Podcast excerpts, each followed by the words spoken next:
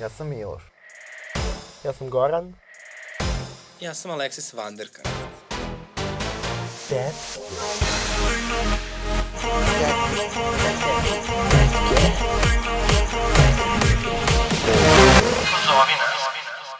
Ukoliko ste doživjeli nasilje ili diskriminaciju motivisanu homofobijom ili transfobijom, možete prijaviti na www.dasezna.lgbt. Popunjavanje upitnika je potpuno anonimno, ali ukoliko ostavite svoju mail adresu, tim da se znaće vam ponuditi psihološku i pravnu podršku. Dobrodošli, drugovi, na našu malu gej paradu. Dobro veče, dobar dan i dobro jutro. Moje ime je Alexis Vanderkant i vi slušate Tetke. Evo, sada smo na 11. epizodi i sa mnom su Goran i Miloš. I evo Goran koji ne može da uh, dočeka da iskritikuje moj vokalni performans Ja moram samo da kažem, evo ja sam Goran, drago mi je, ove, ja moram samo da kažem da je sve bilo falš. Ove, znači, Kao Karleuša u velikom bratu. Znači, to treba ovako. Dobrodošli, drugovi, na našu malu gej paradu.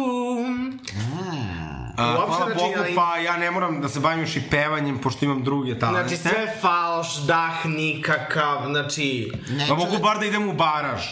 Ne, pa...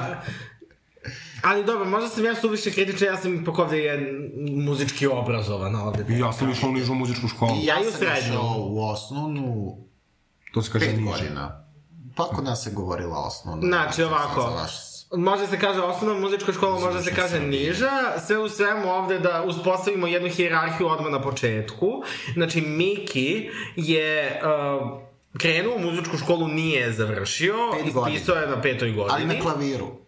Ja sam svirala znamo, gitaru. Ne postoji smer koji, ne postoji smer koji traje pet godina, postoji šest, četiri Da, i dve. ali ja sam išao pet. Ja četiri. Onda sam A odnosno. pevala sam i u horu. Aha, znači, ove, Alexis i uh, Miki su se ispisale Da. iz niže muzičke škole. I dovoljno I ja sam završio nižu, nižu muzičku školu za klavir i onda završio srednju školu teoretski odsek. Pa okej, okay, priznajem. Izvini, izvini, čekaj, uh, a gde ti beše radiš? A, da. Gde? Nigde. Aha. Uh, ali treba dobro, uh, bar sigurno dobiješ neki novac za te svoje diplome. Ups. Ali dobro, sigurno uh, možeš da odeš u Zvezda Grande. Ups. I, a koji si instrument svirao? Klavir. Rekao sam bukvalno. Može da zabavio 30 svog dečka svirajući mu klavir. E, dobro, bar imaš dečka. Ups.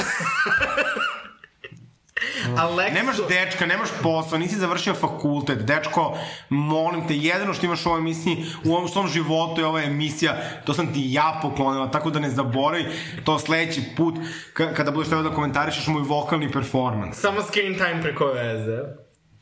Ali sada, pošto ja nisam ovde da bi bila toksična kao pojedini, I pošto ja prosto, znate kako kažu ono, uh, small minds discuss people, average minds discuss idea, ne, Events. events, e, a ja sam great minds, I ti razmatraš ideje. Ne, ja samo moram da kažem, pre nego što Alexis nastavi svoje, ja mislim da treba fanovi tetki da se jave u komentarima ili našim DM-ovima i da kažu ko je bolje otpevo i ko ovde ima glas kao slavu i Alexis sigurno ne. Da, prvo nemoj da lupaš po tom stolu, jer to posle neko treba da edituje, a druga stvar, ja sam već rekla, ja ne znam da pevam, ja ne mogu da znam sve, a ti samo znaš da pevaš.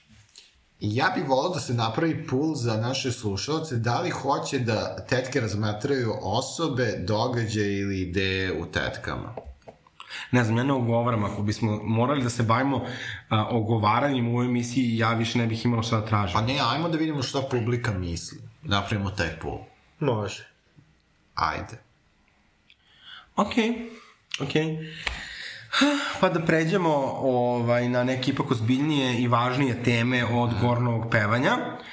A, a to je, danas su se u Nemačkoj se autovalo 185 glumaca i glumica kao uh, gay, bi, lezbijke, trans, non-binary, queer i tako dalje, u isto vreme u nekom njihovom magazinu. Ovaj, I oni su objavili jedan manifesto uh, gde se obraćaju pre svega svim Ili ti radnicima. na srpskom manifest.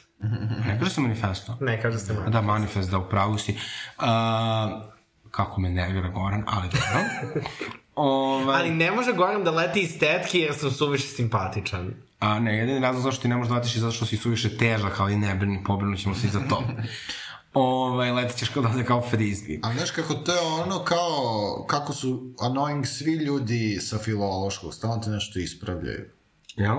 Pa ja mislim Pa da... bar da je završio tako. E, okej, znači ja idem kući u Žarkovo sada, Gde i pripadaš. To je profesionalna deformacija. a vi nastavljajte epizodu bez mene. Nikako ljubavi, mi tebe uprko svemu ipak volimo na neki... Evo, ja bih samo volao da mi I ljudi su iz Žarkova. Objasni Mogu ta... da ja kažem- Trebalo, treba, to... Da mogu ja da kažem uh, da, da završim ovu priču, pošto to je bitna priča. Naravno. Uh, mi nismo ovde da bismo negovali srpski jezik ili bilo šta slično. Uh, dakle, oni su objavili manifest u kome objašnjavaju da se do sada nisu autovali zato što uh, su tako bili savjetovani od svojih saradnika u filmskoj industriji i uh, zahtevaju, dakle, inkluzivnije ponašanje na snimanjima, ali i ovaj, filmove i serije koji će biti inkluzivnije a, i koji će oslikavati realnost nemačkog društva, kako oni kažu.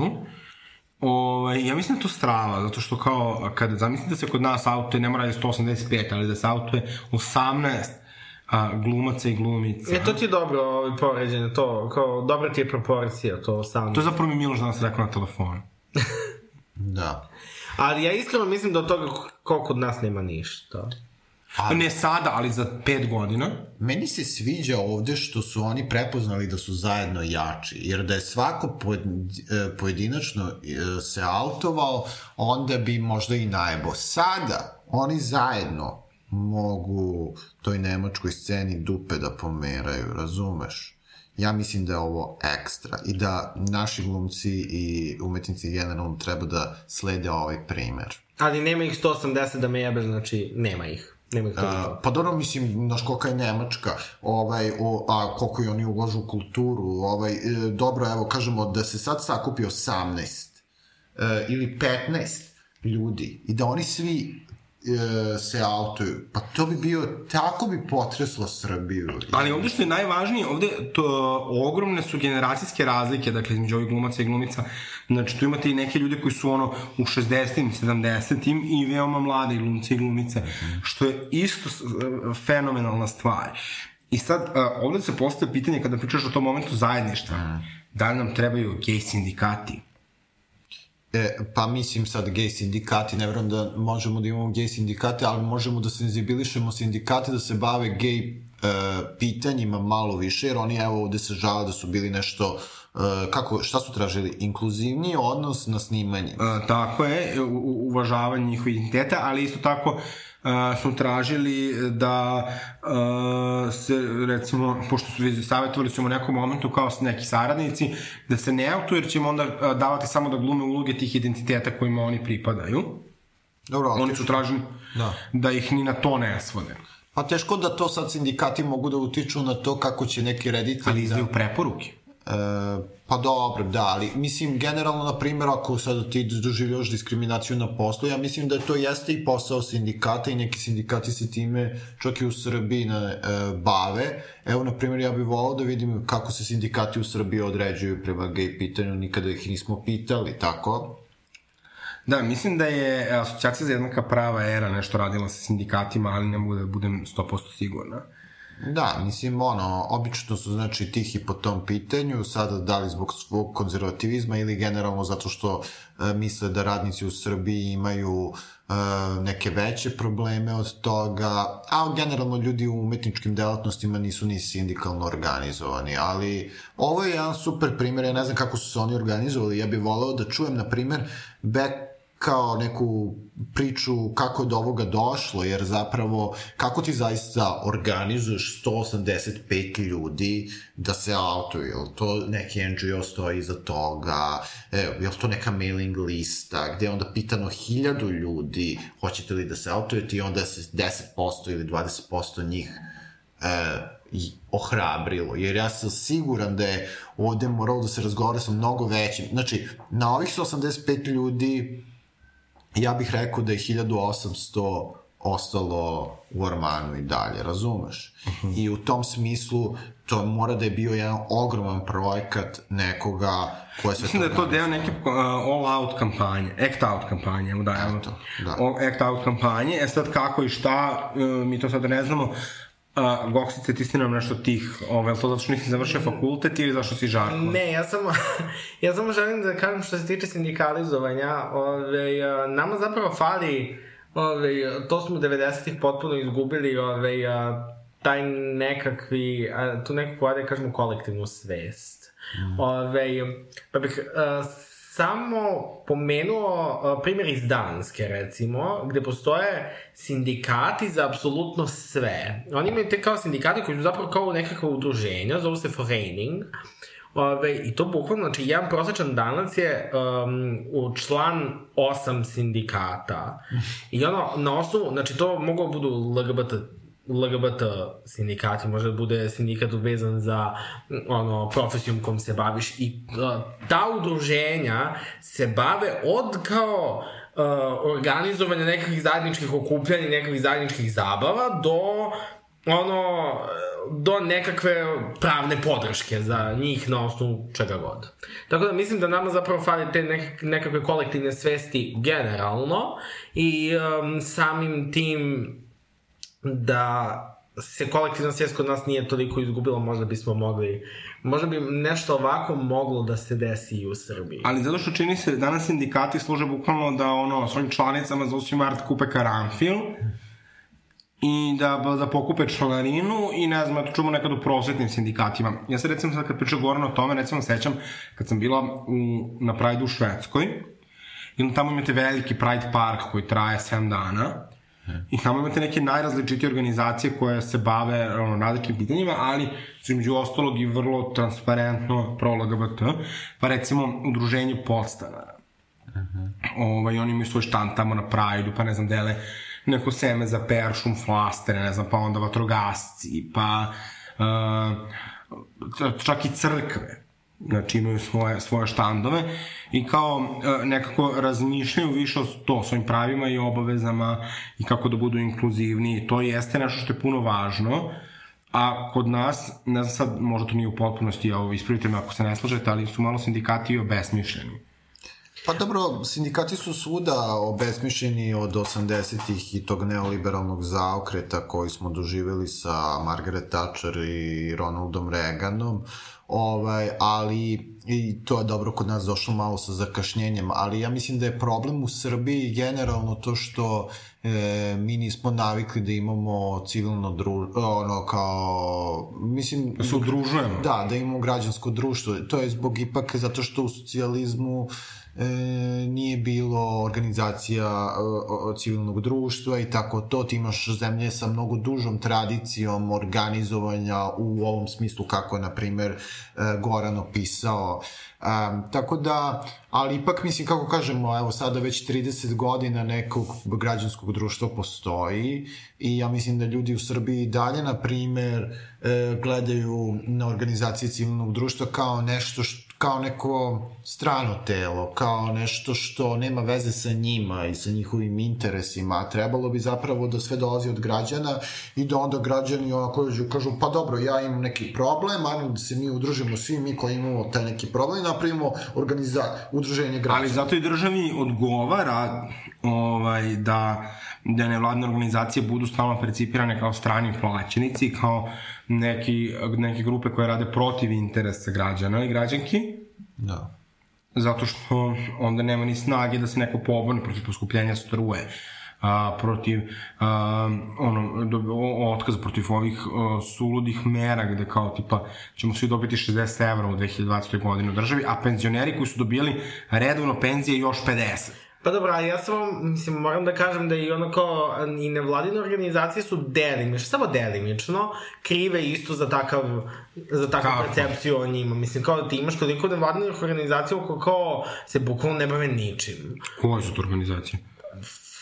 Fond za političku izuzetnost. Šta? Ne, gledaj, e, Mislim, istina je to, to što znači? Goran govori... Znaš kao, imaš toliko nekakvih kao... kao Ali on neko se ne bave ničim... Znaš kao, imaš toliko, kao nevladin sektor ima toliko besmislenih organizacija i besmislenih projekata koje bukvalno služe samo, mislim, uh, Ko ja ne znam, evo, ja sve nevladne organizacije koje ja poznajem iz... Znaš kao, toliko besmislenih projekata koji služe samo da ono, okupe svoje istomišljenike, da ono kao baci jedni drugima koske i kao to je to. ne bih bio toliko oštar, ali bih se složio da su na neki način e, organizacije civilnog društva elitističke u onom smislu da se dosta više bave nekom vrstom a, zagovaranja koja, a, koje je usmereno prema institucijama ili čak ni time. Ovaj, Ali čekajte, kako mi ne posmatramo, e, recimo, kompanije ili preduzetnike ili bilo koje ono, vrsti kao profitnih e, pravnih lica e, kao neprijatelje, kad oni mnogo više rade protiv interesa ovaj, svojih zaposlenih i tako dalje, nego civilni sektor. to nije I, uh, ali ne, ne, ne, ne, znači, a nevladini sektor je od samog starta imao uh, ono loš, lošu reputaciju, jer smo, jer se obeleža, obeležavamo kao nekakvi neprijatelji. I sada kao mi kritikujemo civilni sektor iz toga. Znači, ako neka nevladna organizacija uh, se bave nekom glupom temom, oni imaju svoju temu. Ne, Ako za ja- to ne ja ne- dobijaju novac, pazi. šta nas boli du? Naravno, naravno, umo, ja- čime se oni bave i, i, i koga oni okupljaju. Ne, ja ne kažem, uh, ja ne kažem da su nevladine organizacije zlo. Niti kažem da podržavam te ono kao desničarske mantre da ono kao o stranim plaćenicima. Ali to je kao kod migrantima sebe. pričamo na osnovu da ono jedne kao- situacije gde su ukrali jednu jaknu u zadnju. Ne, ali Ne, ali imaš- samo kažem da ima, kao da postoje nevladine organizacije u Srbiji koje se bukvalno, što samo mlate praznu slavu, ne bave se rozom. Ali postoji muškarci, uh, beli muškarci koji siluju, pa niko ne kaže da, da beli muškarci siluju, nego svi kažu da migranti siluju. Ja naravno kažem, bolje da se nevladina organizacija bavi ničime, nego da, da zapravo bude istina ta desničarska mantra kako su oni kao protiv. Mislim. Evo, znači, šta je problematika? Problematika jeste to što negde or, e, e, udruženja građana nastaju organski u smislu to, mi smo građani, imamo neki problem, onda kao se mi udružimo. U Srbiji organizacije baš i nisu tako funkcionisale i mi smo stalno imali u jednom momentu, barem dok je ova zemlja imala aspiracije da uđe u Europsku uniju, to je uvek išlo kao top down, gde je kao organizacije dolaze i kažu kao mi zbog eurointegracija moramo ovo ili ono, ali nikada nije crp, one nikad nisu crpele svoj legitimitet pred, prema vlasti iz toga što oni zastupaju neke građane, nego što one zastupaju neke norme koje dolaze od Evropske unije. I ja mislim da će morati u jednom momentu... Ali to nije onda problem civilnog sektora, nego društva. E, to je problem civilnog sektora koji, na primer, si je odlučio da se o, e, da generiše svoju moć iz evidentnih razloga i meni su oni sasvim razumljivi kroz to što recimo država ima aspiraciju da uđe u Europsku uniju. Ali, na primer, E, u Hrvatskoj se to dogodilo. U momentu kada država uđe u Europsku uniju, te organizacije shvate koliko su, u kojoj meri su one bespomoćne, jer više nema tog onda e, čime one mogu da utiču na vlast, jer je, vla, e, jer je zemlja već u Europskoj uniji. I tada se okreću građanima, tada shvataju da njihova moć samo može da dođe ako iza njih stoji dosta građana. I ja mislim da mi kao ljudi koji rade u civilnom sektoru, evo ti i ja ovaj, radimo, moramo ja. da moramo da se usmerimo na, na građane, jer to je jedino održivo. Ja ne, ja ne radim u ci- civilnom sektoru, ja sam u tetkama volonterski. Ove, Svi smo ovde u tetkama volonterski, ali ovaj... Ja nemam nikakvu zaleđinu od stranih plaćenika. Pa, nemoj molim te, ti pišeš da se zna blog, tako da... Dobro, to je tačno. Tako da nemoj molim te sad da mi krenemo da tresemo tvoje tajne račune na Kajmanskim ostravima, a, pritom a, ako ti a, platu za 10.000 evra po epizodi nazivaš volontiranjem, stvarno, ovo je volonterska apropriacija. Ali ja bih samo da dodam, ove, a, jeste da je ta tema malo otišla, ali što se tiče sindikata, koliko ono kao kod nas ne postoji, ove, koliko više ne postoji svest o kao nekak, nekakvom kolektivnom identitetu, nekakvom, nekakvoj vrsti kolektivizacije i ono grupisanja za ono kao borbu za radnička prava. Uh, ja sam prvi put čuo za reč sindikat kada je moja mama kada je moja mama preko sindikata naručivala nekako lisnato testo. Pa tome služe sindikati u Srbiji. Kao- Da se kupe prasići, a, To sad- žužu pecimo. Mi smo kupali žužu i picete. E, eto. I bile su grozne. Eto, i to je ono, a, to je ono što je problem, jer mi ne, ne, ne samo kao Sr Srbija, nego ova, ova, ova, ova civilizacija ne ume da shvati, da razvoji bitno od nebitnog i obesmislili smo sami sebe i normalizovali da nam bude ugroženo pravo na, na pristojen rad. Dakle, kod nas je normalno da moji prijatelji rade po 6-7 dana nedeljno za nekakve mizerne plate. I a, kad ti to nekom se požališ, oni kažu, pa tako se radi danas, tako, takav je život danas.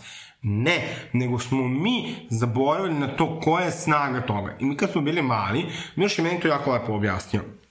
On je rekao ovako, pa ako dođe jedan radnik Apple-a koji dobije 1 dolar za dan da pravi iPhone i kaže ja više neću da radim za ovaj kažu po dobro, ajde, čao. Ali ako dođe hiljadu njih i svi ponesu po šipku, i ako im se kaže ne, polupaju tamo tu prostoriju, će ne, neće morati- raditi za jedan, nego će raditi za deset dnevno. Ja mislim da, a, da si ti obogatila ovu priču, ali... pretpostavljam- Možda malo, ali To suština je ostala ista. Ne, ši, ti si meni spomenuo šipku. Stvarno? Da, da, da. To je bilo jako davno, ali, ovaj, mislim, koliko jako davno možda bude, ipak nismo mi tako stari. Ali ovaj, mislim da je, to, da je to suština svega i nekako, uh, i kad razmišljate o tome na svojim radnim mestima, uh, udružujte se, nemojte da, da skrećete glavu kada je neko maltretiran, Uh, prosto imajte svest o tome da je to sve zajednički interes i ne mora to da bude kao da vas neko udara u glavu, nego to da ste slabo plaćeni, da, da znate da vaš poslodavac mnogo zarađuje na vama, uh, da niste prijavljeni i, i, i tako dalje i tako E, a dalje. znaš od čega to sve počinje?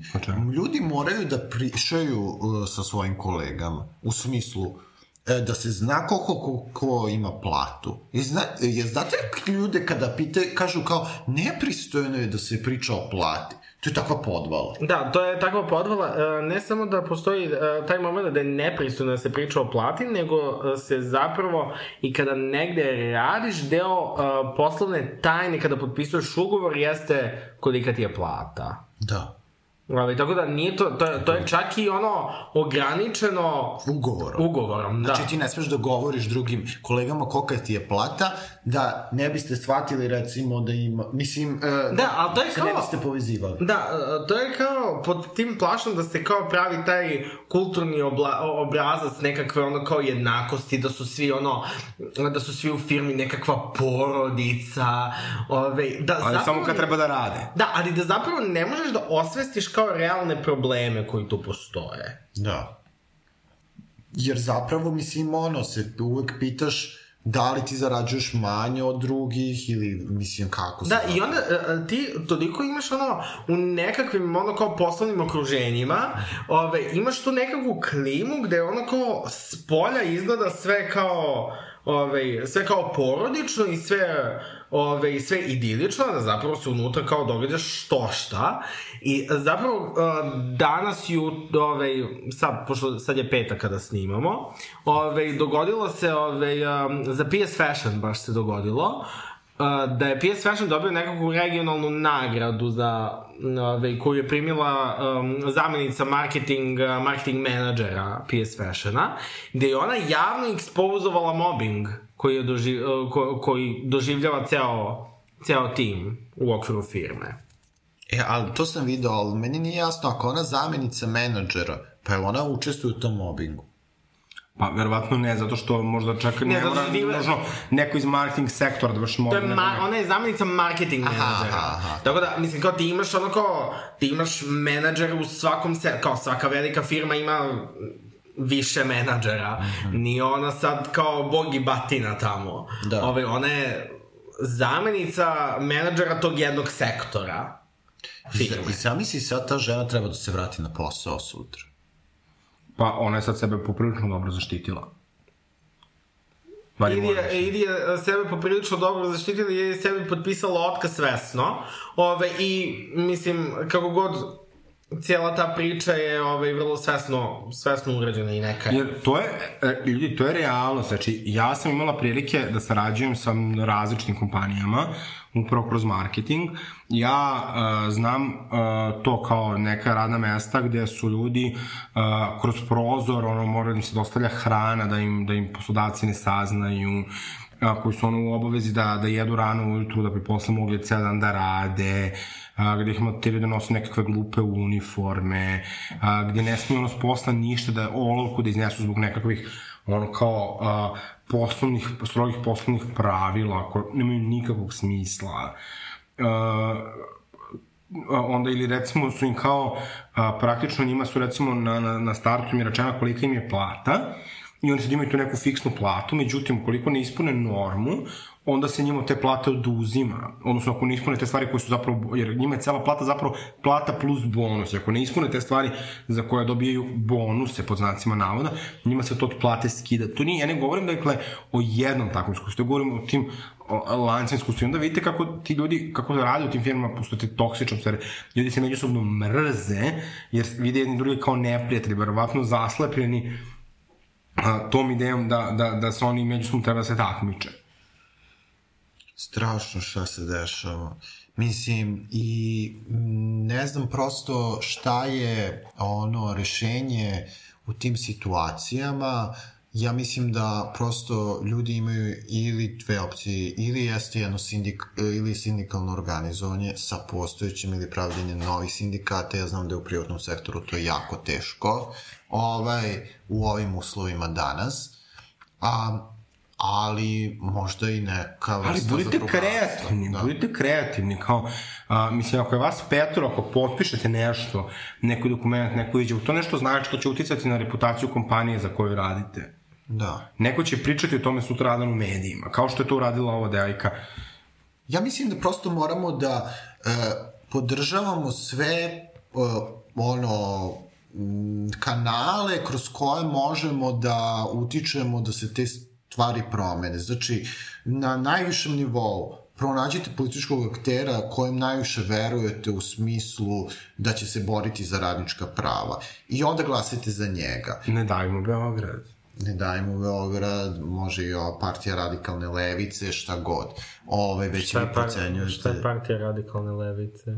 O, pa nisi, pa dobro, to je novi akter na političkoj sceni, možda ćemo imati prilike da pričamo i o tome. Možda bismo mogli pred izbore jednu emisiju da posvetimo e, LGBT delu programa Ne dajmo. Znači kako, mislim da u tom eternom duhu mi treba da kažemo kao, tetke su apolitične. ne, Šalim pa se. tetke su možemo, baš, možemo. ne dajmo Beograd, ono, evo... Da, ja volim ne dajmo Beograd. Da, Mogu mi, ja sam članica. Pa ja sam članica, tako Ja da... još nisam, ali kao sredit ćemo skoro. Ma da, e, kad se ti učlaniš, onda pravimo LGBT grupu, I već evo možemo da postanemo sestrinska organizacija za Zagreb je naš, pošto moj dečko tamo pravi LGBT grupu. Evo vidite kad kažu posle su pederi svuda uvezani, Pa vidiš a, kako pa, to... A vi ne verujte. A to je, a to je zapravo kada, kada Miki kaže da je polijamoričan, to je da zapravo ima dečka da ono ko u svakoj branši, razumeš? I u svakoj stranci po jednom. da napravi ceo krug ovaj na političkom spektru. On, on se zapravo jebe, ono, on se zapravo jebe da bi kao sređivao tetkama, ja ono kao sve preko ljubav, veze. On vodi ljubav. Tako kako kaže Miljana. Dobro, on vodi ljubav da bi sređivao tetkama sve preko veze. Može, može. Ja, ja se u to ne, ja to ne osuđujem. Tako da, evo da zaključimo. Udružujte se, ljudi. Ima ona pesma a, Svi treba da znaju šta drugarstvo znači. Zajedno smo lepši, zajedno smo jači. Ne, mislim, ja stvarno ne mogu ono kao, znači, ovi falševi Alexis Van znači... E, ja sad kad smo već kod falševa, znači, ja ovde trpim od tebe danas, Gorani, isto ono što trpe takmičari u Zvezdama Granda. To nije tačno, znači, sada, ono, sada izvikavaš žrtvu, Znači, ja sam znači... ti rekao da loše pevaš, znači, kao, nisam ti rekao da si ti loš zbog toga što jesi, rekao sam ti da loše nešto radiš. To je kritika. Nije ti rekao da e, imaš ti... ravno dupe i da e, imaš upravo sise. to. Nisam ja Karleuša da ti tako, takve e, stvari govorim. Upravo to hoću da adresiram. Znači, konačno se podigla prašina u ovoj državi zbog toga šta je Jelena Karleuša i tamo svi ostali u Zvezdana Granda govore tim takmičarima. I tu se stalno insistira kao show biznis traži ovo, show biznis traži ono, ali nije problem, a, znači, to, problem je što mi to dajemo show biznisu, što mi moramo da naučimo da podržimo ljude koji ne izgledaju kao ono tipične seks ikone u muzičkoj industriji i da kao, bukvalno, ono, osudimo kao društvo te ljude. Znači, evo što je Karajuš rekla, ja obožavam velike grudi ženama, samo u njih gledam. Ima li šta odvratnije od žene bez velikih grudi i sa ravnim dupetom, rekla je Jelena piše pa sad neki portal A pri da... tome, uh, Jelena Keleuša isto tako pre nekoliko epizoda rekla ja se ne stidim svog tela, ja govorim svojim čerkama da se isto tako ne stide svog tela, što nas dovodi do jednog zaključka da, da ono kao telo se ne, ne treba stideti jedino ako izgledaš po njenim merilima. Da. A ne, ona je žena stalno kontradiktorna, ona je pričala Da, kako nju torturišu, kad se, su nju bili torturisali, kad se ugojila i tako dalje, ali, uh, mislim, znaš, ti, mislim, prosto uh, osuđuješ ljude na osnovu njihovog tela, a onda si protiv nasilja nad ženama, a onda si pro LGBT, a onda s- isto imaš seku Aleksi zato što je imala abortus, mislim, a kako bismo krenuli tako s Karleušom, to bi moglo da traje kao gorski vijenac, tako da, Da, pa mislim, kao, uh, i najviše me nervira kad Karlauša kaže kao ja treba, uh, ja te, treba tebe da pripremim za surov svet show biznisa. Ja baš mislim da ne. Ja baš mislim da ono, ovaj, ok, ako ti smatraš da je svet show biznisa surov, ti si moćna u show biznisu, ajde probaj da prekineš taj lanac. Ali ona je deo tog surovog show biznisa. U tome problem. Ona ga krene da bude surova. Ona je poznata po tome da vređa ljude. Ona je poznata... I naravno, pozna, mislim, ono, ne samo takmičari, ono, kao ako pratite sezone Zvezda Grana, vi, mislim, vi možete da vidite koliko ona bukvalno maltretira Viki Miljković. Jo, jeste, vidi. Da, Ona je stvarno kao, to je bukvalno kao tipično, ono kao bullying. Šta ona njoj radi? Ali, i da šta je meni, na primjer, bi bilo interesantno da se postavi pitanje. Ko su ljudi koji se e, kriju iza reči show biznis? Nije show biznis neki in, e, kao, e, kao postoji čika show biznis. Ali znaš šta je stvar? U Americi Nije to je neka kao nevidljiva ruka Da. tržišta. U Americi je to dosta umrlo, Uh, zato što to kao kad bi neka, znači kad bi sad izašla, ne znam, ko bi bila američka krleuša, ne znam, uh, Azilia Banks, uh, kad izađe i uh, kaže, uvredi fizički izgled neke žene, postoji javnost koja to ozbiljno osudi. Azilia Banks više nema pristup uh, nekoj široj javnosti van svojih društvenih mreža, zato što žena bezobrazna. Ne, ali ovo, mislim da ne možemo poredimo uh, SAD i Srbiju uh, zbog same prirode tržišta. A ne, ne, ali govorimo više na tom Ali, nivou. a, a, razumem šta hoćeš da kažeš, ali samo, samo kažem kao, uh, uh, znaš kao, ti u SAD-u, ako se nekome zameriš, postoji neka struja koja će tu da te prihvati iako si se nekome zamerio. Ovde je suviše malo tržište za, za takav, za To je prihvatila vrstu... Aziliju Banks. Pa gevi. Pa bogom i ni Gevi. Jo, ja obožavam onaj njen video. E, znate ono, kao... ja znam skoro sve od Azalea Banks, tako Uh, da... ono kad ona kao gostuje u nekom radio emisiji i oni kao nju nešto pitaju. Aha, Hot uh, 97. Da, nešto zove? kao, oni kao... Ali da sad ne skaćemo sa teme sa, ono, kao sa Zidijom Banks, mi inače taj intervju možete pogledati na YouTube-u Hot 97. Šta ona tu kaže, izvini? Pa, tu dosta adresira ono kao rasne probleme sa kojima se susretala. Ne, ne, ali ne okej. pričamo o tome, pričamo o tome da recimo ona je jednom na aerodromu a, vređala gej par, zato što je htjela da uđe pre njih u avion.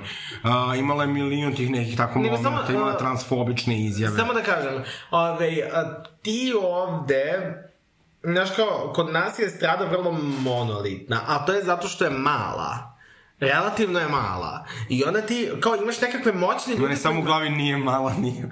Ti imaš nekakve moćne ljude kojima ne smeš da se zameriš. I kao, to ima svuda. Put ratovala. kao, ti, kao moćni ljudi postoje svuda, ali kao ti u Americi gdje je kao mnogo veće tržište, ti ako se zameriš jednoj struji moćnih ljudi, pa kao moći ćeš da se prišamčiš nekoj drugoj struji i da ono kao nađeš publiku za sebe i da nađeš promociju za sebe. Mhm. A ovde, ovde to ne možeš. Da, to je poznato za Ameriku, da svako tamo ima svoju nišu. Mislim, to je prosto, mislim, to je kon... Pa dobro, ja se ne bih složila, postoji mnogo, recimo Ige Zilije, kada je ono nešto pisalo o Lives Matter i tako dalje, mislim tada je manje više ostala bez karijere, ona se tad jeste pokajala i sve, ja stvarno verujem njoj, da je bila neosvešćena, ali e, prosto ona nikad neće imati publiku koju je tada imala i mnogo njih nije doživjelo sličnu sudbinu. Tako da, nije to baš isto, ali mislim da to što je ovde manja scena znači da nam mnogo i manje treba da budemo inkluzivniji. Ma ja mislim da je in, inicijalna greška što se toliko posvećuje pažnje mišljenjima pevačica i glumaca. Realno, to nisu neki ljudi koji, mislim, kako kažemo, to su izvođačke umetnosti. Razumete? Dobro, ali oni su tu u tom show, sigurno neće da pozovu, uh, mi, mislim, neku ono, uh, feminističnu aktivistku da, da sudi u Zvezdima grada. Nego, kad govorimo o umetnicima, znači imaju ove koji su kao te neke stvaralačke umetnosti, znaš, kad neko napiše roman, e, ne znam, ni ja i tako to. I imaš ove koje su izvođačke, neko kao drnda neki klavir, ne znam, ni ja, 10 godina. Ja, ja samo moram da kažem, ovaj, um, um, znaš kao, pop izvođači što se tiče muzike, oni u principu znaju gde im je mesto. Mm -hmm. I oni se nešto ne petljaju u to da ono kao imaju politički stav, iako ja mislim da bi trebalo da se malo angažuju oko toga Kako i da se Kristina malo Kovač. informišu i, i tako dalje i tako dalje. Ali ne petljaju se nešto mnogo u ono što misle da nije njihova niša, branša, šta god. Ovaj, za razliku od glumaca koji se petljaju u apsolutno sve i tu ja mislim da postoji razlika u tome što ti da bi postao pop pevač ili pop pevačica, ti možeš samo da kreneš da pevaš i da ono, kreneš na primjer ili od kafane ili od nekakvog takmičenja i tako dalje, a da bi postao glumac moraš da završiš fakultet. I onda se glumci glumci se toliko popale na to što oni imaju fakultet za Boga i onda misle da su stručni za apsolutno sve zato što su za Boga završili osnovne studije. Niste posebni milion ljudi je završilo osnovne studije. Ili, evo imate recimo Nenada Jezdića koji je prvo pričao pre par godina Srpkinje oblače kao kurve, a onda došao da brani žene ovaj, zbog ove slučaja sa Miroslavom Aleksićem na nacionalnoj televiziji i onda govorio, kaže, pa mi moramo da štitimo žene, kaže, žene su naše majke, žene rađaju naučnike, žene ne rađaju, i sve to krenuo kao, i bukvalno kao da su ono, aha, pa dobro, znaš, kao ono, ženama je jedina uloga da rađaju. Da budu materice. Da, i ovaj, i to, znaš, to se sve tako neko, taj seksizam, mislim, dolazi sa svih strana i mahom je usmjeren ka ženama, znači, Niko neće da kaže, ne znam, ovo ili onaj muški pevač su noš ne vodi računa o svom stylingu, ovo, ono, razumiješ, ono kad je žena, znači, ne znam, računa da li je kupila kod Kineza, ili je kupila original, ili kod, ono, cace na bulevaru. Evo, to je i dalje tema. U Srbiji, da. Jo, kako, kako to više dosadno, jebate. U Srbiji su one popularne, one Instagram stranice koje pokazuju, mislim, kako su javne ličnosti izgledale pre i posto plastičnih operacija. Mislim, pa onda izvuku, znaš, ono neku sliku da mislim, ova, znači, razumeš, ono, izgorela na suncu, bez šminke, e, ono, tri dana spavala, razumeš, natečena, i, i onda kao, ono, neka super svetoshoperna slika, kao, ja sad ono se sve izoperisala. Pa, mislim, kao, znaš, ono, kao, ja bih volao vas da slikam ujutru kad ustanete. Pa da vidim na šta ćete da ličite. Pa jel nije tačno? Ma da, mislim, treba žešći, ali i slažem se ovo što je Goran rekao za glumce, oni su se toliko isprimali, ali malo im i novinari A daju. zamislite u kakvom mi intelektu pričamo o osobe koja je rekla srpnje se oblače kao kurve, onda govori o ženama koga one rađaju. Da. I pri tome, mislim, Kakav je to intelekt? mi moramo samo da napustimo taj koncept da si ti automatski intelektualac s time što si završio osnovne studije bilo čega. Ja mislim da generalno treba ovaj, uopšte ono predstaviti, znači ja nikad nisam čuo, ja sam redko čuo u životu da za sebe kaže da je intelektualac neko ko je a, ono, zaista nešto obrazno, koga ćete čujete zaista neku novu perspektivu, novu perspektivu nešto pročiti. Znači, uglavnom se time uh, ono, uh, diče, mislim, ljudi koji reč su ne pišu, posto, pišu spojeno, ono, sa glagolom. Ali gledaj, ovaj Nenad Jezić, stvarno, pa je, sad sam vidio ko je to. Pa to je... Kako ne znaš ko je Nenad Pa Jezdić? Morao sam da Voda Tyson. Znači... Brate, ili jesi ili nisi lav. brate. Bukvalno, pa to, to je čovjek koji ono bukvalno više na reklamama nego u bilo gde drugde. Ne, pa mislim, on je dobar glumac, ja stvarno ne mogu da kao to, ono, kao oduzimam od njega, ali i dalje. Ma I da. dalje, mo- mislim, može da bude Sveti Petar. Ma da, ma, ne, molim, evo, molim nedeljnike i Olju Bećković da više ne zove glumce. Znači, Evo, Olju Beću. Ovdje Bečko i baš ono ko... ne, ona su to, ona... Jedva čeka šta Miki iz tetki kaže, mislim. Da. ono. Ja, ja volim Olju Beću. kako, ko, ko još, kao, ko, ko još prati utisak nedelje? Evo Miloš. Ja sam pratio i, ajde, neću da... Evo, o, ne moraš šta da otkrivaš, ono kao svaki utisak nedelje ima svoj obrazac. Onda zove nekog lidera opozicije, uglavnom Boška Obradovića, onda pozove nekog popa ili nekog ono protojereja ili šta god. Ove, I ono... I neku rediteljku ili glumca. Ne, ne zove ona žene. Ima, ima, ima. ima. Šta, jednom u deset, mini, jednom u deset emisije pozove ženu. Kao, Da, obi, ne voli ona žene, jeste, upravo si. Ma, volja ti je konzervativna, u- mislim, Da. poprilično. Pa dobro, ko je otac? Ovo, još je River, dobro isto. pa Ajde, dobro, mislim, ono kao- A ona je, ona je, mislim, ako je pogledate oca i njenog sina, onda shvatite da ona još i nije toliko loša. Ali pogledajte, ja ne znam šta si ti sad htio da kažeš time, ali... Pa, A, da su i sin i otac gori od nje. ti znaš njenog sina? A, pa, im, čini mi se da tipa, a, e, njen sin je baš neki uber desničar isto. Ne mogu da se setim a, kojoj Mislim, ja se sad ovde ne bih bavio pretpostavkama šta je njen sin. Ja znam ko je njen otac.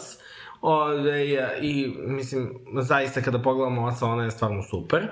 Ali, ove, sad ne bih ono kao... Na, znaš kao, ne bih se bavio njenim sinom koji kao nije javna ličnost, kao ne zanima me šta radi njen sin u životu, kao bukvalno me ne interesuje. Ove, samo kažem da ono kao njena emisija uopšte nije relevantna. Upravo Više. to. Ok, ja... Pa dobro, nije pratim- nerelevantno. Pratim utisak nedelje, zbog nekih sentimentalnih razloga, ja i dalje se sećam kad je to bila onako Kad je jedno... to bilo na studiju B. Ne.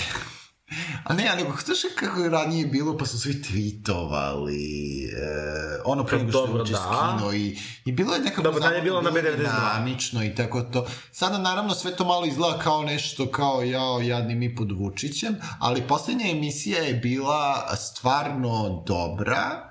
E, ovaj gostovao je Miša Đurković ovaj iz Instituta za evropske studije Irena Ristić sa FDU-a i ne, i jedna uh, žena sa iz autonomnog ženskog centra i pričalo se baš o ovoj na, i našoj temi iz prethodne emisije, a to je kao to seksualno nasilje i tako to. I tako da mogu da kažem da Olja povremeno, kad ima te neke teme koje su manje političke, a više društvene, zna da zablista u tom nekom smislu. Znam da je uradila jednu dobru emisiju o izbeglicama. Tako da, mislim da to... Mislim, meni je ovde sad fascinantno kako ko, ko Miki zna neku jednu dobru emisiju koju je uradila Olja Bečković. Pa mislim, ono, ajde. Dve. Dve, jel da? Ove, mislim, ono kao, okej. Ne, e, mislim, Olja Bečković, okej, ja mislim da kao Jucak nedelju stvarno jeste kultna emisija i nema, nema, nema razloga to, ali Olja Bečković stvarno nekad mu da bude previše pristrasna, uh, ono, da, da bude, bude čak i bezobrazna. I on, ne mislim da ja nekako, kao- ja imam ono ko ja volim kao njenu ličnost, ali vrednostno, ne. Ne, vrednostno, ona je baš onako liberalka, najgora, ono bukvalno e, e, tendencijozno ono blokira svaku priču o, o klasi, o ekonomiji, ne znam nija šta, Ja, evo ih levičari plaču. Pa mislim zaista, ono kao bukvalno Čekaj ti obličnu suzicu. mm, Ne znam, meni je, meni je nekako utisak nedelje postao nebitna emisija, a to je od kad smo prešli sa SBB na MTS, pa onda ne hvatam novu S da gledam utisak nedelje. na gledaš, gledaš Boška i ovu Aleksandru. Koga? Oni su valjda na toj televiziji K1. Imaš to? Imam K1. Ko je Boško i Aleksandar. Uh, imam K1 i od K1 sam... Boško City. City A, Boško, iz, Boško Jakovljević. Da. Znam da vodi neku emisiju, ali ne pratim. O, Što se tiče K1, ali mogu da, to mogu da preporučim našim slušalcima, iako, uh, kao, mislim, generalno, jako, Jako, relativno slabo te, gledam TV, zato što kao nema ništa da ponudi, onako, ali volao bih da, volao bih da ima. Uh, gledao sam uh, epizodu neku, ovaj, um, neke emisije koju vodi tipa Milan Kalinić, ovaj, gde gostovala Maja Žeđelj gde je govorila o svojoj bolesti. To je bilo, to je bio jedan dobar sadržaj. Ali kao van toga, mm -hmm. van toga slabo. Nego da mi malo pređemo na neke kao bolje teme od, bolje i prolifičnije teme od Olje Bečković. Znači kao, mene stvarno utisak nedelje više ono kao, znači kao, nije 2014. godina da mene zanima utisak nedelje. Da, A verujem i naše slušaoce. Ali mislim da nas zanima sa kim su tetke u vezi. Jo. Iako znam da vas ni to ne zanima, ali mi ćemo svakako o tome da Ali pričamo. ovo je nepravedno prema meni, znači... A mene dečko Dobro, ti si u ostavio. 10 veza. Mene je dečko ostavio. A ja znam da je ovde Miki ono kao najzahvalnija figura da priča o ovome, zato što je on jedno 15 veza trenutno. Evo, mogu ja Ove, da Alexis, kao je bi, eh, Alexis je bilo u jednoj i kao ostavio je dečko. Kako si dugo ja ostavio? nisam ni u jednoj, samo ugovaram nekakve sex dejtove koji kao se ne ostvaruju i kao to je to. To, to je i moje iskustvo. Mogu ja kažem, e, evo ako i zajednica sa Grindera sluša, ljudi, prosto vi morate da razumete u svetu odraslih em, ne znam, ja ti dogovori, mislim, to stvarno, ja ne znam, kao se... Ja isto apelujem na ljude na Grindru, Da. poštujte dogovore. Ako ste se dogovorili za seks ispoštujte. A vas ljudi ispaljuju. Pa ni, prosto to je... Ja više imam problem sa time što ljudi ne, a, ne, ne dogovore precizno. Da, da, da, ne dogovori se precizno i samo sve nekako ostane u vazduhu. Ove, I samo se nikad ništa ne dogovori. Ali to je deo, to je deo, to je deo, to je deo nekako srpske kulture, ali mi sad ovde ne pričamo o dejtingu, mislim da malo mašite poentu obojica. Pričamo Što je o- generalno vrlo prisutno kod vas dvojice u vašem ponašanju. Mislim da je to tema za neku drugu epizodu. Mi sad da pričamo konkretno o vezama. Ja mislim da to jeste jedna veza, to je uvek tema. Znači i kod Sanje Marinković, i kod Kerry Bradshaw, i u Tetkama, i kod Jovana Memedovića. Ako Sanja Marinković temu veza može da ono kao već 20 godina reciklira, inače magazin In traje 20 godina, wow. verovali ili ne, od tipa 2001. druge wow. se daje magazin In. Ona, znači, kao 20 godina reciklira temu veza, zašto tetke se ne bi bavile bar im jednu epizodu? Tako je. Ne, ne, ne. A, šta mislite, a, šta su tri najbitnije stvari za vezu? E, ja baš imam, kako si rekao, tri rekla, izvini, re, e, tri pogodila si moje stubove, mada se ovaj treći klima. Za mene, definicija dobre veze jeste ovo. E, seks, e, intelektu, intelektualno prožimanje i treći stup mi je bio taj, ta briga. E sad, ajde da malo elaboriram. Znači, znate šta je seks, to znate. Mislim, to je Kako mi je Mont objasnilo? Pa to je ono, sad može znači svakako da to Ja sam devica u svakom smislu. Ali poenta jeste, znači, da li vam seks funkcioniše ili vam ne funkcioniše, ono, da li si generalno, da li ste meč u tom smislu. Ove, ima intelektualno, znaš ono, nekad i s nekim doba, što je najetužnije, izgleda da zapravo s kim se intelektualno mečuješ, loš ti je seks, a s kim se zapravo seksualno mečuješ, ono kao si u fazonu, ajde sada napusti prostoriju, što pre. Ali na tim stvarima može da se radi. Um, pa nisam siguran da li na nečim intelektualnim kapacitetima može da se radi. Jer Pa Ne, ali na pronalaženju zajedničkih tema i aktivnosti. Da, pa svakako pretpostavljam... da- Jer nisu sve zajedničke teme nužno intelektualne. Nisam baš n- n- n- n- raspoložen da nekoga izločim iz tih dubina, razumeš, u kojima se oni nalaze. Ali ne, ne mora da znači to, nego znači recimo sad a, ti strašno voliš neki, da pričaš o nekim intelektualnim stvarima, ali to možda pričaš i sa prijateljima. Znači nije intelekt jedino oko čega mi možemo da se povežemo sa nekim, sad možemo da imamo preferencije, to je u redu, Seks i briga su dva druga stuba. ali ja bih, da, ali ja bih rekla da znači nije intelekt, nego zajedničke teme i aktivnosti. Uh, može, ali ja to sve podrazumevam pod... Dobro, možda zato što sam ja i suviše nekako... Ako čekaj, a kako... Previše si intelektualac. Ali ne, aj, ajde sada, daj mi primer e, nečega što nije sada kao ra, razgovor. Igranje igrica, Aha. uh, hiking, kuvanje, Mene bi neko mogu da kupi na hiking. uh, kuvanje. Da, ali znate kao, mislim, ako si sa nekim u vezi, onda kao planiraš nešto ozbiljnije i nešto duže. Ne možemo mi samo da se bondujemo na osnovu hajkinga i igranja igrica. Mi moramo o nečemu nekada da pričamo. Ali razgovarate, postoji milion, postoje serije, postoje film, međuljudski odnosi, Da, ali kao mi Ali Moramo- kakav je njegov pogled na Mi seriju? moramo da, da imamo kao, da, mi moramo da budemo na nekakvoj istoj talostoj dužini. To je kao, Upravo da. Pa da, ali kad ti kažeš intelektualno, onda ljudi neko, uh, bih ja više rekla, razgovaramo o isključivo ozbiljnim knjigama i serijama. I nekim, nam, na, možda na nekoj dubini koja je mnogim ljudima too much, a ne mora da bude. mi moramo da budemo kao ideološki i moralno na istome. Mi moramo da glasamo recimo barem za sličnu političku opciju.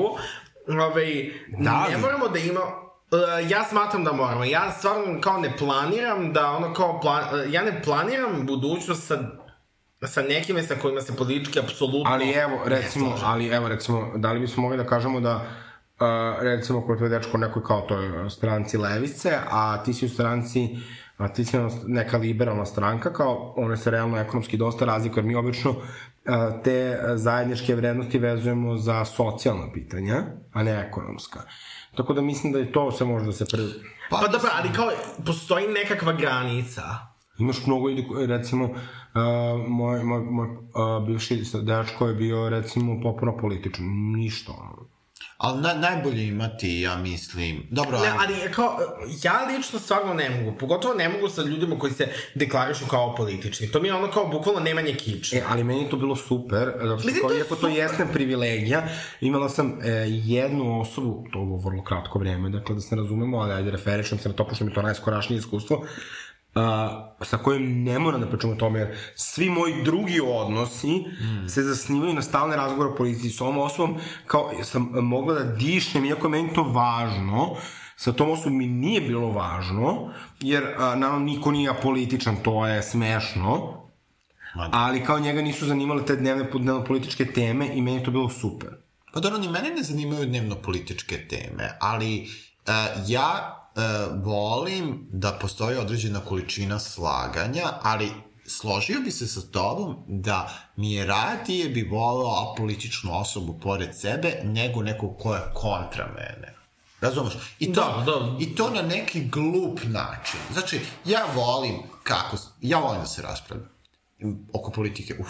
Ovaj, I meni je to hot i sve mi je to ekstra, a i radije bi bio, bio sa Što bi rekla Jelena Karleuša, a, ženski polni organ mozak. Da. Izgleda i muški. Ne, kao što kažem, radije bi bio sa pametnim de, desničarom nego sa glupim levičarom. Jer ja ne želim da se s neko slaže samo zato što je glup. Razumeš?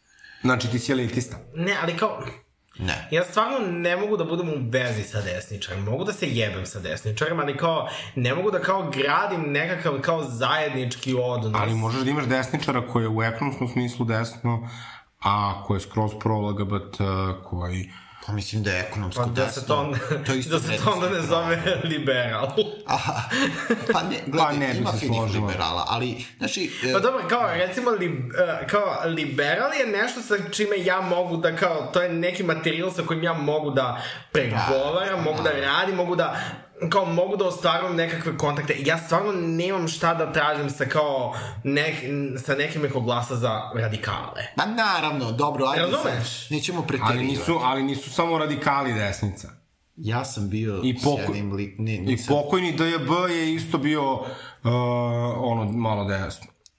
Pa pokojni, mnogo. pokojni DJB je prvo krenuo kao, prvo su krenuli kao nekakav ono kao klon LDP-a, pa su onda... Pa, mislim da su oni od samog starta bili mnogo više uh, ekonomski desno od LDP-a. Nisu, oni su... Ne moramo to toliko da svodimo na konkretne političke partije. Ljudi kada glasaju za političke partije, oni ne znaju ni za koga glasaju, to je, mislim, gluposti. Znači, e, ovde se samo postavlja pitanje koliko će to opterećivati vašu vezu. Znaš, ako neko, na primer, e, ja e, mislim da su za vezu mnogo bitnije od neke druge stvari. Mislim da je bitna ta brižnost. I to je taj treći stup o kojem ja i raz, ali brižnost i razumevanje Neko može da bude liberal, e, Znači, ono, kao on, recimo, misli, nja, on, njegov stav je da, recimo, ne znam, ni ja, Da, tre- mislim, ne treba kažem- ukinuti socijalnu pomoć. Ne kažem okej. ja da mi treba 100% da se slažemo politički i ideološki, ali da ono kao imamo nekakve kao tačke gde se podudaramo. Ja stvarno ne mogu ono kao nekog ko kao potpuno ima kao drugačiji moralni i kao ideološki sistem vrednosti, da ja sad kao gradim nešto sa tom osobom. Stvarno ne mogu. Ne, ne, pa dobro, to su nepre, nepremostive razlike. Upravo to. Ali mislim da ono što je upravo sad Miki rekao, mislim da, da volao bi da se dotaknem ovih nekih drugih tema, a to je, uh, jeste ta neka brižnost i sve što ide po tu komunikaciju koja se ne tiče uh, vrednosti ili nekih redovnih stvari, nego prosto zaista samo suštinski odnosa.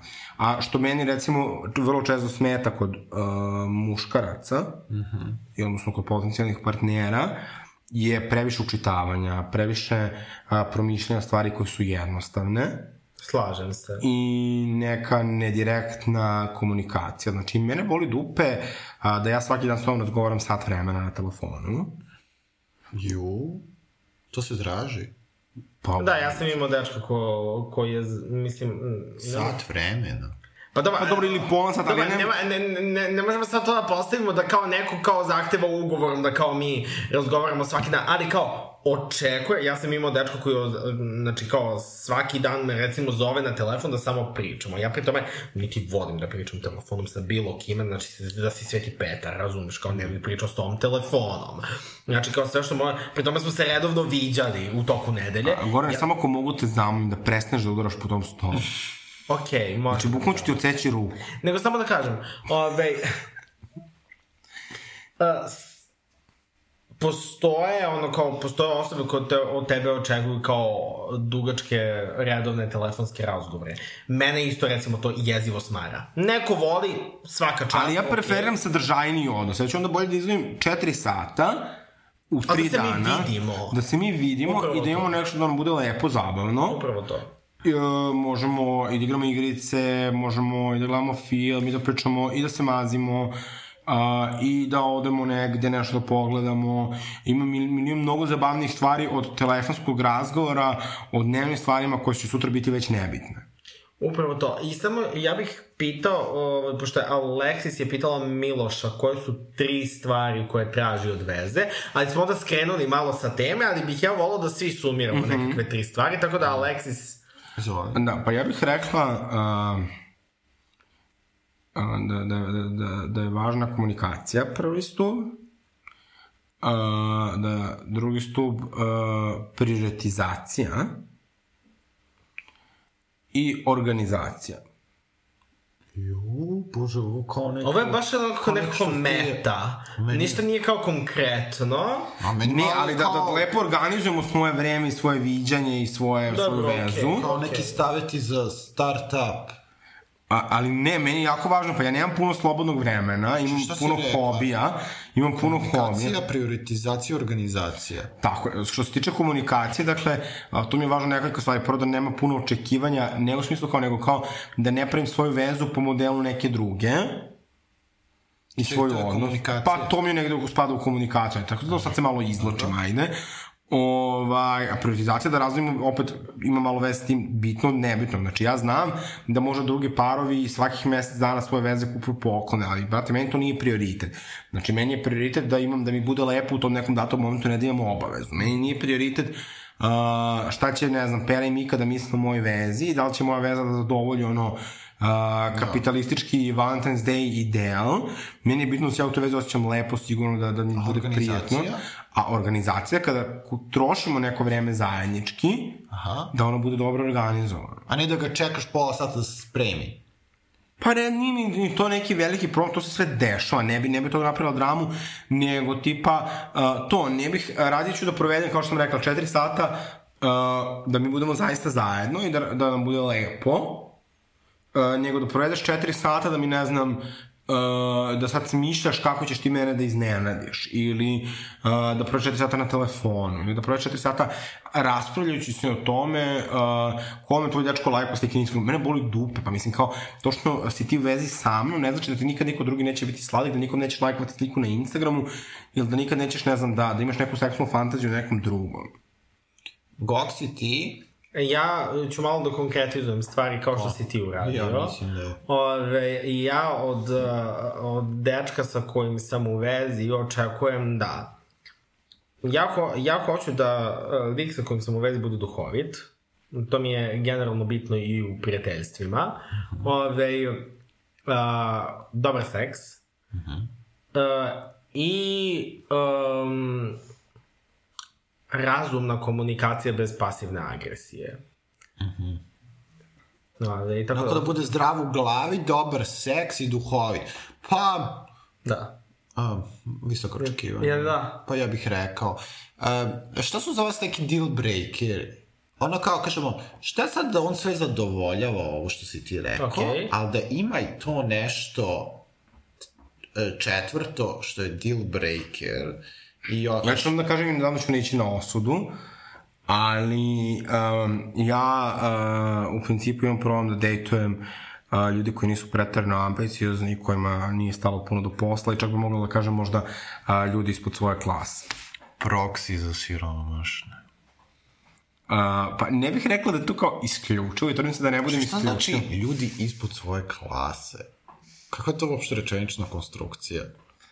A dobro, sad ću biti cancelovano zbog ove izjave. Pa mi ćemo da te cancelujemo, ostalo. Ne, samo tetke. obrazloži što znači ljudi ispod svoje klase. Pa ja sebe smatram nekom možda srednjom klasom, Ali rekao si ljudi ispod, ne si rekao ljudi ispod moje klase, nego si rekao ljudi ispod svoje klase. Kako neko može da bude ispod ne, svoje? rekao sam ispod moje A klase. rekla si to? Aha, okej, okej. Ovaj, I sad ne kažem... Ne, rekao a, je, ja ne mogu da dejtujem ljude ispod svoje klase misleći na sebe. Znači, ja to ne govorim, dakle, o nekim racionalnim potrebama i tipom, dakle, ja sam... A, Ma ne, okej, neću da te osuđujem. Ovaj, ja se stvarno uvek trudim da osnažim ljude, da budu, uh, da, da, da probaju, da izađu, jer kao niko ne želi da, da bude, ali meni je jako veliki, veliki problem zato što ja uvek pokušavam uh, da popravim ljude, to da im pomognem, da ih nešto motivišem, da to preuzim na sebe, onda se ja time postavim apsolutno i to meni uništi odnose. Uh, jer ja uh, uh, previše se u svom životu fokusiram na materijalno. Šta? Aha. i ovaj, nekako meni materijalne stvari pružaju zadovoljstvo. Ja sam osoba koja je spremna da radi dva, tri posla zbog materijalnog i onda mi je jako teško. Ali čekaj, znaš kako ti možeš da detektuješ da li ti imaš... Meni je ni ekonomska nejednakost uništila više veza. I, ali evo- ali ne samo iz moje partnere, nego su strane, što su moji partneri uh, tu, tome kao vidjeli nekakav Evo, problem. Čisto da bi bilo u boljem kontaktu sa sobom. Znači, da li ovako, ovo je test pitanje, znači, gledaj, da li bi ti smetalo da imaš neambicioznu bogatu osobu, recimo on je bogati naslednik, on može da proprati tvoj lifestyle i sve materijalne tvoje potrebe i tako to, Znači, da li bi ti smetalo da budeš sa njime? On je, znači, bukvalno ništa... Dobro, i ajde pređi dalje, ili? Pa, Ili? nema- Pa nema ne bi mi sme, Znači, to bi mi smetalo iz to. prostog razloga zato što ljudi uh, koji su neambiciozni, ali dakle ne na način da budu, ne moraju da budu opsunuti poslom, nego koji... Da bi bila sa ovim. Sa kojim ovim? Znači, on je bogat, ali potpuno Ne, zato što a, to verovatno vuče drugi probleme sa sobom. Aha. A to je da nema organizovano ja- vreme, da, da, da, da, da, da nije e, e, efikasan, da A onda možda zaista ne voliš ambiciozne ljude, možda onda nisi neambiciozan. ne ambiciozne ljude, možda onda Pa, ali ja ne, ne, ne mora neko da mi bude, da bude samo sad kao nešto opsednut svojim poslom. Ali bi čekaj, bila sa siromašnim likom koji je opsednut svojim poslom. O, pa ne. Tetke su Mislim da ne. u muk. Ali ja Mislim bih da samo ne. da kažem, kao ovde A se... Goranova uzrečica, ja bi samo da kažem, i onda zasedne na mikrofon i Tako ne možete je. da ga skinete. Tačno, ali uh, samo jedna stvar, Koera Ojdanić na čajnu kod Lekinš. uvodi se jedna interesantna tema, a to su klasne razlike u vezama. I ono, e, ove, ja recimo, um, ja bih samo proširio taj svoj kao, ove, um, taj svoj set kriterijuma. Uh, ja verovatno ne bih mogao da budem u vezi sa nekom ko je klasno ispod mene, ali ne bih mogao da budem u vezi ni, ni sa nekim ko je klasno iznad mene. Jer su to potpuno drugačiji kao stilovi života, to su drugačije navike, drugačije ono, a, drugačije interesovanje, drugačija društva. Ove, I jednostavno je tako. Ali znaš šta tu sad, znači kad to ne bi uticalo na odnos između te osobe, jer ljudi vrlo često, znači ako ja zarađujem više, sad ako ja pokušavam a, da to nadomestim, jer meni nije problem da platim kafu, ručak, večer, E, ali putovanja, ne radi ako ja se o mogu, tome, ne radi se o nego tome, onda to ne kao radi se budi o neku tome frustraciju i Pazi, osjećaj nejednakosti. Ne, ne, ne, ne, ne radi se o tome. Evo, ja sam teo da kažem, ali ne može Ne Goran. radi se o tome ko je O tome se radi da on meni ne dozvoljava da završim rečenicu. ko je kome platio kafu, ko je kome platio večeru. Uh, radi se o tome da uh, ti um, nemaš čak ni gde da upoznaš ono nekoga ko je klasno suviše mnogo kao više od tebe i suviše mnogo niže od tebe. Ja, pa nije sad baš to tako Goran. Jeste Pa. u nekoj meri, ali nije baš tako. Pa mislim, ti kad odeš na, dođeš na našu žurku, mislim, tu imaš neke ljude koji nas cimaju da uđu besplatno jer nemaju para da plate i imaš neke ljude koji, mislim, čašćavaju 30 ljudi, ono neke k- bogate, mislim, rote nekih bogatih ovaj, frizera i tako dalje, mislim. Tako da nije da nemaš, ali a, čini mi se da, mislim, ne da mi se čini, nego prosto mi jesmo društvo koje vodi račun o tome kako se neko odeva, a, šta pije, kako izgleda, koji telefon nosi. Meni je uvijek jako teško, onako inicijalno, kad moj dečko nema iPhone. A, ali, a, mislim, to je stvarno Ne, užasno. ovo je ono kao, ovo je takav promašaj, znači ono kao, znači ko Ali ja ne sluša- kažem, ja imam Ko racionalne sluša trike. ovo i ko osuđuje Aleksis zbog ove izjave, Ali ja se, potpuno ne, ja se, ja se uopšte ne, ja osuđujem sama sebe. Ja zato onda kažem sebi racionalno i to tako radim generalno u međutskim odnosima. To nije važno. Ja nemam I iPhone. samo da mu objasnim, pa ima, moj prošli dečko nije imao isto iPhone. I bilo mi je okej, okay, ja nisam zbog toga, ne, ja samo kažem sebi, to Aleksandre nije dobro. I tako za Nema sve to, stvari, kad ste ljubomorni, kažeš, ali čekaj Aleksandre, to nije bitno. I skineš to, ja zaista onda racionalizujem to i nemam više problem s tim stvarima. I, i, i, i, i, I to radim recimo i za neke a, fizičke preferencije i tako dalje. Ja se zaista trudim da odvojim šta je bitno od nebitnog. Da. I da onda uživam u tome, ali to jeste neka borba i neki rad na sebi i promišljanje uh, naših uh, svesnih i nesvesnih stavova, ali ja sad kad to kažem sve naglas, Uh, ja stvarno verujem u to da mi treba da pričamo o tim stvarima na ovaj način gde smo kao kritički nastrojeni prema sebi. Jes, slažem se. Mislim da treba da budemo iskreni i hvala ti što si otvorena i iskrena. I E, ma hvala tebi Milošu što me ne osuđuješ, a, a za razliku od nekih ovde. Ne, stvarno- Neću imenovati, ali... Pošto da se toliko. Ovaj, znaš, e, upravo se o tome radi. Mi ne možemo da utičemo na to šta mi osjećamo. Možemo. Mož- Pa, možemo... Ja, ja pričam o tome s terapeutom. Da, eto, možemo da učinimo nešto, znači šta ćemo da, e, prosto možemo nakladno da promišljamo naše inicijalne osjećaje i da nekako... Jer ja na kraju života ne želim da izgubim čovek, ljubav svog života. I rekao sam kad sam mogao da imam prelep život, zato što sam imao 20.000 dinara manju platu. I zato što uh, nije mogao da plati uh, neku glupu večeru ili ne znam šta. E. Jer ja, kada vidim to, ja se stvarno trudim, jer ja kad vidim da neko nije u tom fazonu, ja kažem, važi, doći klopaćemo kod mene. Nije, razumeš? Ali- Ali je isto važno da to, uh, da to što kad ja, uh, kad ja mogu nešto da uradim za obojicu, uh, ne utiče na njega.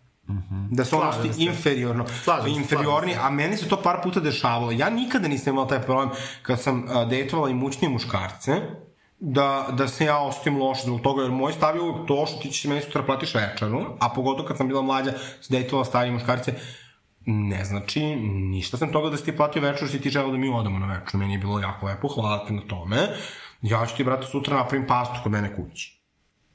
Ma da, ma meni je to, mislim, ono, potpuno kao, mislim, ono, ne bih rekao, ali dobro, da, evo imam još jedan, još jedan super primjer, sad ja sam stvarno previše pričao možda u ovoj epizodi danas. A, recimo, ja sećam svog dečka, ja sam imala 19, on je imao 30 godina. A, on je bio definitivno bogatiji od mene, ali ja sam njemu toliko pomagala u tom njegovom poslu, kao debilu. Znači, to je isto meni užasno. Znači, da neko ima toliko nesamostalnost, da nekoga moraš stalno da guraš, to je naporno. A nisam ja to tražila od njega, nego praktično se on obraćao meni. Znaš, tako da, ni, naravno da nisam sve to tako crno-belo, evo zato, zato mi je drago da šerem ovaj svoj tok misli, ali evo, Goran bi samo nešto da kažem. Ja ne bih ništa da kažem. Znači, ja... pričali smo o deal breakerima, samo da vas vratim. Da. Znači, evo, uh, Goksi, reci šta je četvrta stvar koja bi potrala duhovitog, uh, šta smo rekli dalje, dobrog Dobro jebača, komunica i dobro komunicija. e, koji dobro komuni... Pa, mislim, kakvi zahtevi, evo ti, ja ne znam, srećno. Ali to uopšte nije strašno. Seks uvek može da se dotera, komunikacija može da se dotera, šta je treće, duhovitost. Dobro, duhovitost ne može, ali to je neka, nešto njemu lično simpatično. Duhovit koji dobro komunicira prvo, jako malo ljudi dobro komunicira. Ali, ja- jako, ali svi ljudi mogu da odu kod psihologa. Neuravnotežen. Pa dobro, ali kažem šta on traži, znači to je ne, nerealno. Nije. To je Ja sam bila s takvim muškarcima, samo su me ostali. 5 do 10%. To sad ti vidi. Ali dobro, eto, kao, eto da kažem, deal breaker je ono kao ako glasamo za nešto, ako politički, kao stojimo potpuno suprotno. Znači, ako je duhovit, dobar jevač, e, šta si ovde rekao, I dobro komunicira. dobro komunicira, Pa onda bi ja mogo da si jebem i sa šešeljom, mislim... Šta se ti je duhovit? Šešelj jeste duhovit, ali, je- ali gnjida. Jeste malo duhovit. Okej. Okej, okej. Ali ne znam da li je dobar jevač. A, boga mi, ovo ide na upravni odbor. Pa možda i jeste, to ne Remarkera znamo. i da se kao, zna. Ja to ne da možemo da, se i, kao to ne možemo da isključimo Samo kao... molim vas, znači, uh, meni se stvarno to čeka povraća, To je to, je, a taj da čovjek je mi toliko dno, ja sam danas razmišljao o to, tome, upravo to, taj čovek je toliko dno i to Taj je čovjek je toliko breaker. no, ali mi sve te stvari vezujemo, znači ja sam hiljadu puta, znači mi se desilo da kažem, Bože, pogledaj očajno izgleda, pogledaj kako se oblači, onda krenemo da razgovaramo, on je šarmantan, sladak, simpatičan, ja se na tog lika naložim. Čekaj, o kome ti pričaš? o generalno ljudima Aha. i suprotno mi se dešavalo da neko svojim ponašanjem postane toliko odbojan, da možda bude najuspešniji, bože, sada stvarno zvučem kao znači neka gošća u magazinu, da bude super uspešan, da ima mi, ali se toliko ružno ponaša, mislim, ja gledam sitne stvari, uvek, ja recimo mnogo ljude procenjujem na sitnim stvarima, koliko imaju prijatelja, kako se odnose prema prijatelja, kako se odnose prema ljudima a, prema kojima su u ovoj državi svi odnose ružno, znači to su ljudi koji rade na kasama, u restoranima, a, znači, kad to vidite, na, na, to je ne, znači, gledalo duš, duš, nekako se neko ponaša prema svom poslodavcu, kako će se ponaša prema konobaru u Deal- restoranu, Deal breaker, kada, kako se odnosi prema ako nekom je neljubazan prema nekome, prema konobarici, prema konobaru, prema kasirki, da, slažem se. Ove, ali ja bih sada da... Pošto Miloš je ipak- šokiran, ali ne. Miloš je šokiran, ali ja bih sada da ono kao... A čak i nismo pitali Miloša šta je njegov deal breaker. Da, šta je tvoj deal breaker? A, nehigijena. Šta? Higijena, pa dobro da to... Okej, Ja, okej, to je meni okej. deal breaker. Okej. Mene je moj bivši dečko pitao da li redno čistim uši. A što znači redovno? Pa on je rekao da ti me obsunut, ja sam rekao da. Ja sva, svaki dan čistim uši. Svaki dan čistiš uši. Čime čistiš uši? Stažićim za uši. I zbog toga, zbog toga vrlo često imam problem sa uh, desnim uhom, uh, nekad me boli. Nemojte da čistite uši Ja da štapićima za uši, zato što samo cerume nabijate u bubnu A ne, ali onda uzmeš tipa na par nedelja ubaciš, uh, na par nedelja ubaciš hidrogen u uši. Ja se ne bih bavio ovim kao paušalnim savjetovanjima, nego Jeste, bih... ne pokušajte ovo kod kuće, pitajte lekara i kupite onaj štapić za uši uh, koji može da se koristi iznova i iznova i Sve u svemu, ne zagađa životnu sredinu, nego je reusable. okej. Reusable štapice. Opereš ga, silikonski opereš E, ga. znači, ovi, o, o, ovi, Opereš ga. Odvratno. Opereš ga, pa i gaće koristiš ponovo. Niću da- Slepče. Znači, ovo je bolesno. E, ovi ovde, uh, znači, kao diskutuju o štapićima za ušima, ja treba da se vratim u Žarkovo, sada je 11 sati. Aha. Znači, Dobro, ja, ja, da predlažem, temu. ja predlažem da mi pređemo na bravo ličnost. Ja, možemo samo da idem iznesemo jedan zaključak. Znači, moj savjet bi bio, probajte da, da stvarno smislite šta vam je bitno kod ljudi i u vezama i kako želite da vam sutra veza izgleda i da odvojite bitno od nebitnog. Probajte da prihvatite ljude pre nego da ih odbacite. Ja govorim, dakle, šta su stvari koje sam ja nekako usvojila koje stvarno mislim da su zdrave, I a, probajte da shvatite šta je do vas zapravo. Dakle, ljubomora nije problem tuđeg ponašanja, ljubomora najčešće problem vašeg ponašanja. Nemogućnost da prihvatite neke stvari koje vas ne oštećuju, tako da je neko poliamoričan, debeo, a, ili, a, ili ima manju platu od vas su mnogo više do vas nego što su suštinski važne i, i, i to su više ono ka, ka, kapri, a, hirovi ovaj, ne, ne, nego suštinski važne stvari. Tako da, a, i nemojte da razmišljate kako treba, nego šta je vama važno.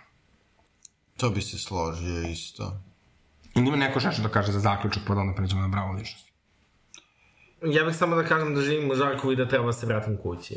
Važi. Gospodu Bože, pa prestani da živiš u Žarkovu. Evo i sad mi govorimo da je... Ovo je bila šala. Jelena Karleuša šizofrenična. Ovo je šala bila sada. Znači, ajde, mom, ja, Može Aleksa da minuta. priča ja što volim. Gorana iako je on iz Žarkova. Nije bitno kolika ljudima plata. Samo da ne živim u Žarkovu. Dakle, živite... Žarkovo je za ljude. Mi ćemo, do, mi ćemo prvi dobiti... Ja se selim, ja se selim u Višničku banju. Mi ćemo ljudi. prvi dobiti stanice metro, stanicu metroa. E, i kod moje zgrade u Višničkoj banji, budućoj, je isto stanica metroa. Jo, moći ću da kao stignem do ono kao snimanja tetke za 5 minuta. Ti dalje planiraš da nastaviš da snimaš tetke kod mene. Aha, dobro, dobro, dobro. Pa da. Pa da će Bog, da, će Bog da, da, da, da, da nam se studio ponovo otvori. Svakog četvrtka od 18 do 20 časova na www.dasezna.lgbt možete razgovarati sa psihologom. Razgovori su se odvijaju u vidu četa i potpuno su anonimni. Ove, ali da, idemo na bravo ličnosti.